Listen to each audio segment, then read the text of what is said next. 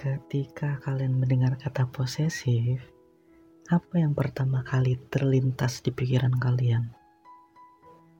Kalau gua, jujur aja nih ya, yang pertama terlintas di pikiran gua adalah sebuah kekangan, sebuah kurungan, dan sebuah penjara berbentuk manusia dan akan ada beberapa orang yang suka untuk dikekang dan terkekang. Tapi ada beberapanya yang gak suka. Buat kalian yang suka dikekang, mungkin pembahasan podcast kali ini tidak akan cocok untuk kalian dengar. Karena gue akan misuh-misuh aja di podcast kali ini dari sekian banyak cara lu menyayangi seseorang, kenapa mengekang dia menjadi salah satu cara yang lu pilih? Gua nggak tahu ini perasaan gua doang atau emang guanya aja yang aneh. Cuma seumur-umur gua pacaran atau gua deket sama seseorang, gue nggak pernah sekalipun kepikiran untuk mengekang orang itu, mengekang pasangan gue. Gue tidak mewajibkan dia untuk selalu ngabarin gue. Gue tidak mewajibkan dia untuk selalu laporan ke gue dia mau pergi ke mana, sama siapa, berapa lama, dan ngapain aja. Gue tidak mewajibkan dia untuk ngasih bukti berupa pap ke gua ketika dia lagi di luar. Karena gua ingin menyayangi pasangan gua dengan tenang.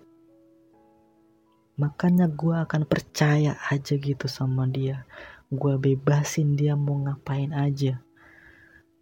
Gua bebasin dia mau temenan sama siapa aja. Gua nggak akan melarang dia untuk jangan ini, jangan itu Gue tidak ingin membatasi dunianya. Gue sama dia sudah besar. Kami berdua sudah dewasa dan bisa berpikir mana yang baik dan tidak.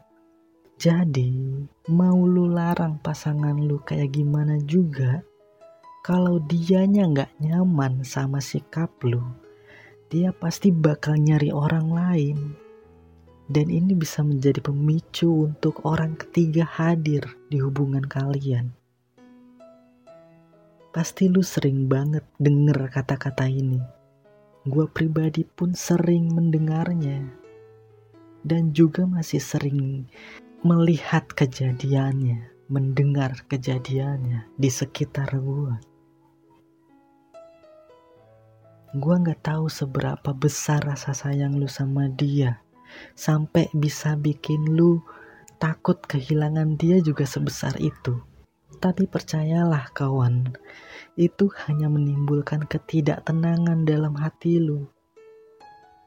Ketika lu mengekang dia secara berlebihan, lu mengontrol setiap gerak dan langkah yang ingin dia lakukan dan alasan lu melakukan itu hanya karena lu sayang banget sama dia sampai lu takut kehilangan dia dengan sebegitunya. Karena mungkin dulu lu pernah percaya banget sama seseorang. Kemudian orang itu mengecewakan lu dan lu trauma. Tapi itu tidak bisa menjadi alasan lu harus bersikap seperti itu ke pasangan lu. Kecuali pasangan lu emang orang dengan tipe yang suka diposesifin sebagai bukti dari rasa sayang lu. Kalau begitu ya gue sih oke-oke aja. Karena memang mungkin kalian ditakdirkan untuk bersama dan saling melengkapi satu sama lain. Cuma yang gue penasaran adalah akan sanggup berapa lama kondisi seperti itu untuk berjalan di suatu hubungan. Gue pribadi gak suka dikekang dan juga gue tidak suka untuk mengekang gue tidak menunjukkan rasa sayang gue dengan cara seperti itu. Gue juga tidak akan mengakui hal seperti itu sebagai bukti dari rasa sayang yang ditunjukkan ke gue. Lu takut kehilangan, makanya lu bersikap sok posesif itu sama pasangan lu. Tapi harusnya lu sadar justru sikap lu itu yang akan membuat lu kehilangan nantinya. Dia punya kehidupannya sendiri dan tidak melulu tentang lu lu tidak bisa merantai kakinya, lu tidak bisa merantai tangannya, lu tidak bisa merantai lehernya. Ingat dia manusia, bukan hewan peliharaan yang bisa lu atur semaunya. Kenapa gue sampai sebegitunya? Sebegitu keselnya sama orang posesif. Karena gue pernah ada di kondisi itu. Lagi-lagi gue pernah ada di semua kondisi yang gue ceritakan di podcast gue sendiri gue pernah PDKT sama cewek yang posesif parah. Saking posesifnya, setiap kali gue ngapel ke rumahnya, dia selalu ngecekin HP gue. Semuanya dibuka sama dia. Dari mulai WhatsApp, Instagram, Facebook, bahkan Twitter. Cuma buat ngecek apakah ada hal-hal yang nantinya dia nggak akan suka juga ngeliat itu ada loh orang-orang yang sampai segitu nggak percayanya sama pasangannya. Dan pertanyaan gue cuma satu, kalau lu nggak percaya sama dia, kenapa lu mau jadiin dia pacar lu, mau jadiin dia gebetan lu? Dan ketika gue nanya alasan cewek ini apa, ya jawabannya adalah dia nggak mau masa lalunya terulang lagi karena dulu dia pernah diselingkuhi. Makanya ketika PDKT sama gua, gualah yang menjadi objek dari sikap traumanya dia di masa lalu. Dan saat itu gue bener-bener gak nyaman. Gue bener-bener gak nyaman sama kondisi seperti itu. Karena pernah ada satu kejadian yang menurut gue nyebelin banget. Jadi ketika gue lagi ngapel ke rumahnya, Kebetulan waktu itu malam minggu, seperti biasa gue ngapel gitu dan ngobrol di ruang tamu. Terus ada momen di mana dia minjem HP gue. Alasannya mau selfie-selfie dan ya gue kasih pinjem. Gue mah ketika minjemin HP gue, gue santai emang karena karena emang gak ada apa-apa aja gitu. Makanya gue santai gak ada yang gue sembunyiin gak ada yang gue tutup-tutupin.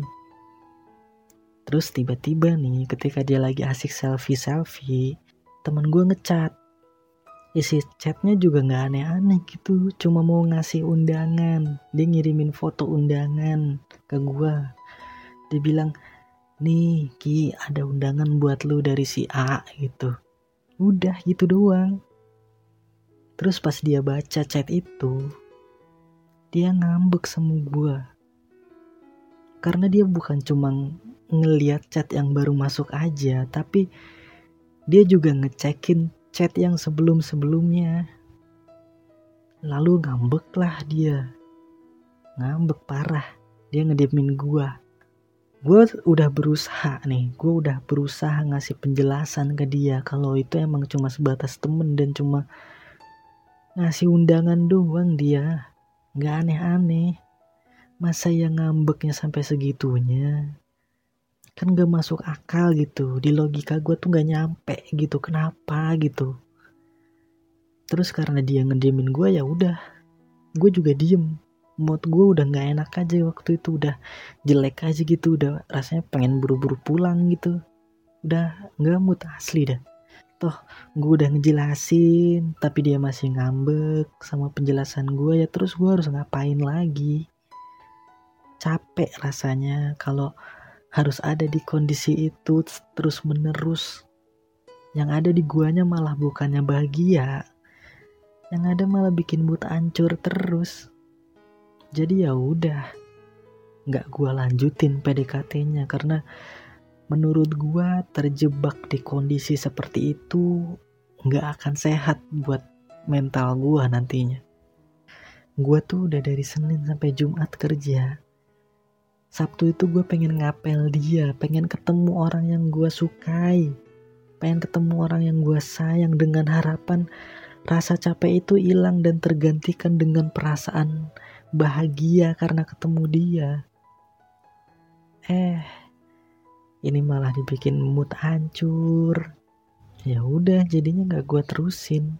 Karena gue sendiri sadar gue tidak ingin menjebak diri gue di kondisi seperti itu terus menerus. Yang gue tuh sadar kalau gue gak nyaman ada di kondisi itu. Gue juga tidak menyalahkan dia atas sikap dia yang seperti itu. Tapi yang gue sayangkan adalah kenapa harus ke gue gitu? Yang notabene gue baru orang baru gue di hidupnya. Nggak ngapa-ngapain belum ngapa-ngapain. Kesalahan apa sih yang bisa gue lakukan sebagai orang baru di hidupnya?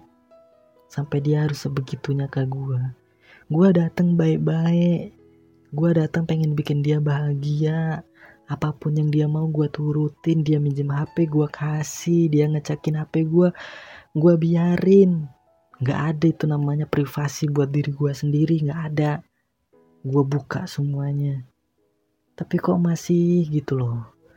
Masih nggak percaya sama gue gue kan cuma orang baru. Gue nggak tahu apa-apa dan gak ada urusan apa pun sama masa lalu lu tapi kenapa gue yang harus dapat perlakuan seperti itu Gua yang sering sakit hati aja nggak pernah melampiaskan apa pun ke orang baru atau ke gebetan baru yang baru gua kenal.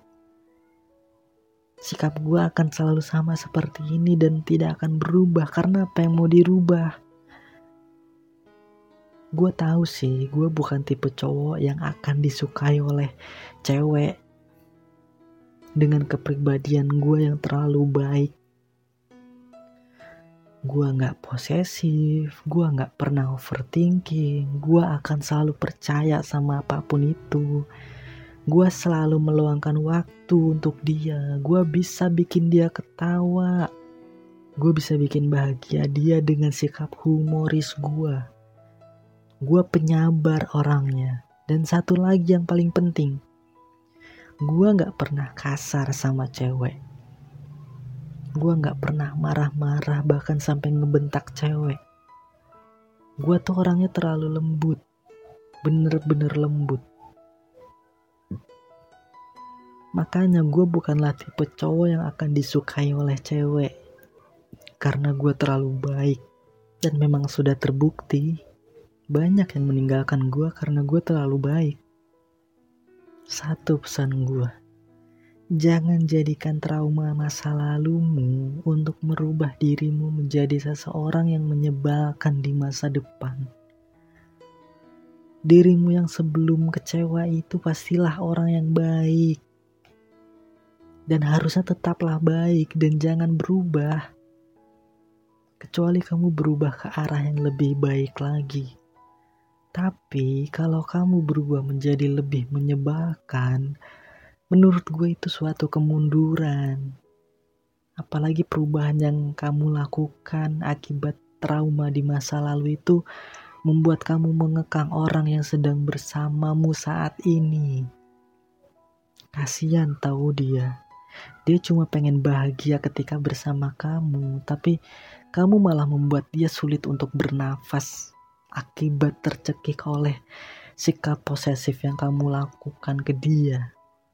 Gue tahu akan ada orang yang mewajarkan apa pun yang pasangannya lakukan, sekalipun itu menyakitkan untuk diterima.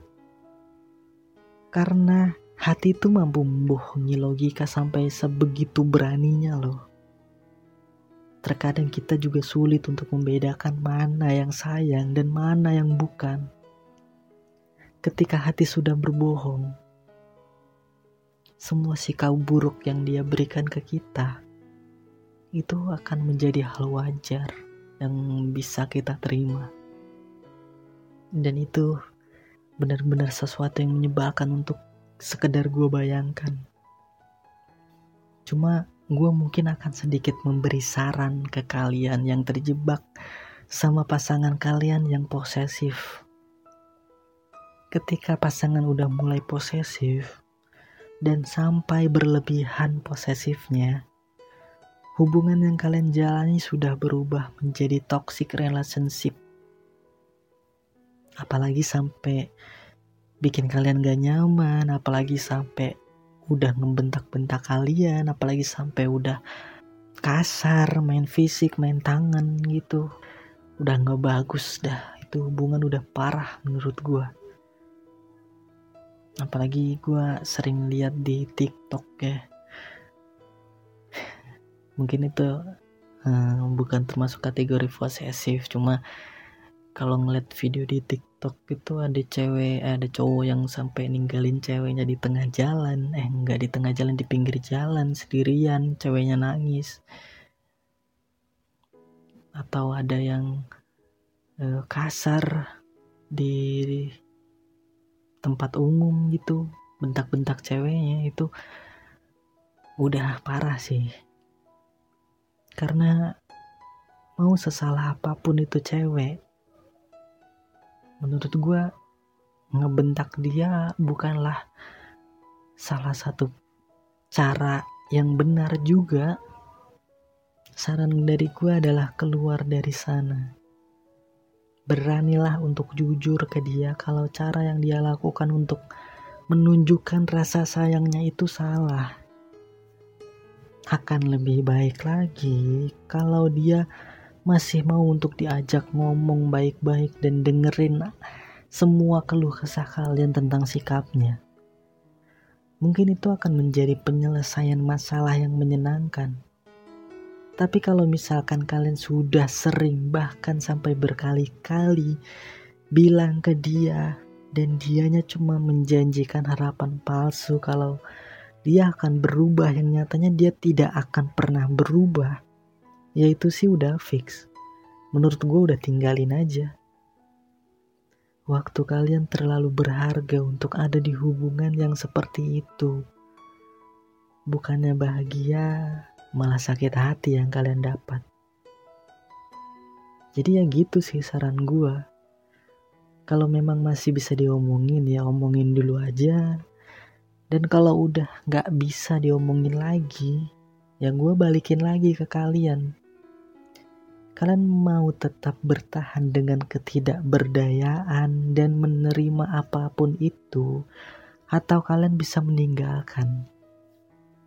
Tapi apa pun pilihan yang kalian buat, gue cuma bisa menyimpulkan satu kesimpulan pada akhirnya, yaitu perpisahan. Itu udah yang paling benar dari sebuah hubungan yang toksik dengan pasangan yang posesif.